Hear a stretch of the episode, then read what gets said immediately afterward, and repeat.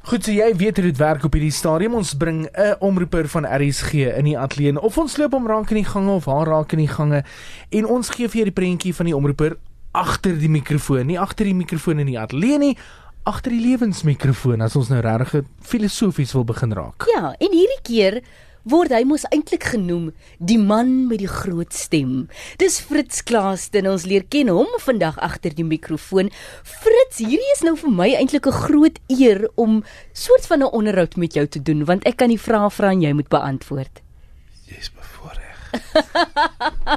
So, ons het hierdie nou vir elke omroeper gevra, jou heel eerste salaris. Maak nie saak watter werk jy gedoen het nie. Kan jy onthou wat jy met dit gedoen het? Onderwys, laerskool Keidebees.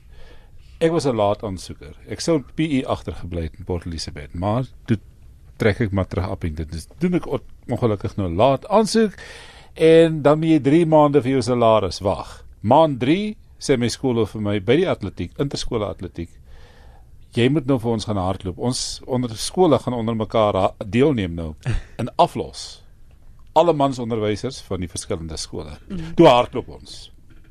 En ons skool was heel agter. Toe hardloop ek want my hoof het my gesê jou salaris check is in die poskantoor. Ons het gewen. Ek het on, on, on, onderwysers onthou meneer Appelgrein, Johnny de Wee en wie was dit nog? Maar, maar ons ons is vier gewees in die span. Ons het gewen as gevolg van my salaris check, my eerste een maal 3. Een salaris maal 3. Maar kan jy onthou wat jy presies met dit gedoen het toe jy dit nou in jou hand het? Ek het my ma se huis afgeverf. Ek het elektrisiteit in ons huis gesit. Vir die eerste keer in ons lewe het ons elektrisiteit in die huis gehad. So ek het krag ingesit. Ek het gehelp my pa se bakkie se enjin reg te maak, Hilford F100.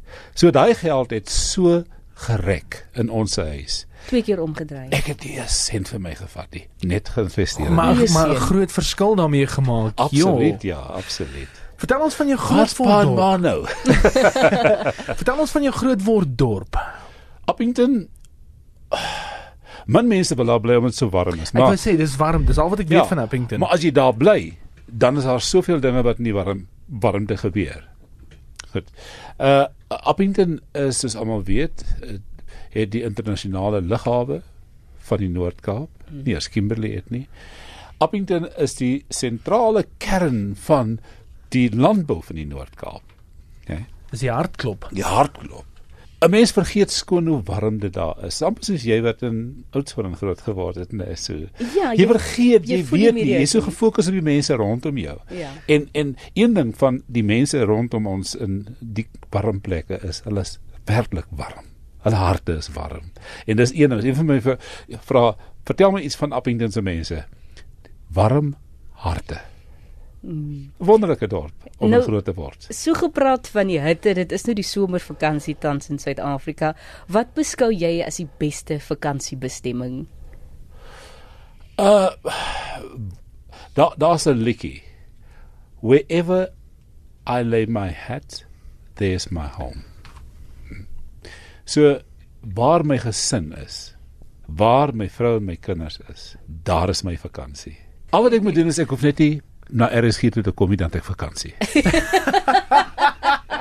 En kyk Fritz is een van die wat altyd omtrent eerste is en laaste uit is. Uh, so dit kan ek van getuig. Uh, ek weet jy's 'n sportman. Ek en jy sit gereeld en praat ons is twee van die enigste oorblywende blou truie op die vloer, uh, maar daaroor praat ons nie. Maar jou liefde vir sport gaan diep. ek, ek dink van kleins af. As jy onthou toe ek klein was, het die toerende spanne soos die All Blacks, die Leeu's, die Franse Hane wat Suid-Afrika toe gekom het, het ook op die Dani Key Stadion in Appington 'n Woensdagwedstryd gespeel. So ek was bevoorreg om ouens soos Colin Meads hulle op 'n rugbyveld te sien. Jy weet, Wow. as 'n kind en by die hotelle rondhang en te kyk wanneer 'n ou soos El- Ellen Sutherland of sit, sit going uitloer by die venster of kom stap dan gil ons op mekaar ons laities.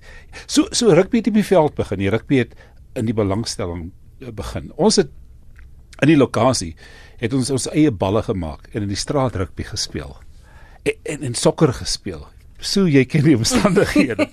en en en, en, en dis waar 'n mens se belangstelling. Wow. As onderwyser het jy nie 'n ander keuse gehad nie. Jy jy moet betrokke, afrig. ja. Jy moet Ja. afrig. Ek het sokker, cricket, rugby afgerig. En dan dan, dan speel mense ook, jy weet. So ja, uh, cricket het ek self gespeel. Uh, van daarmee rugbesering. maar maar in elk geval, sport is so deel van my. En Formule 1 want ek hoor jy praat gereeld oor 'n naweek oor Formule 1. Ek is 'n baie romantiese mens. Ooh. Ek is lief vir karre. Moet hy rooi wees? Moet rooi wees? Vir alle mooi Italiaanse karre, hè? M- Nie alle alle soorte karre. Ah, goed. Die naaste een wat ek sal kan bekostig met my salaris as Magdalene my bietjie verhoging gee, moet ek by sê. is 'n Ford Mustang. Ooh.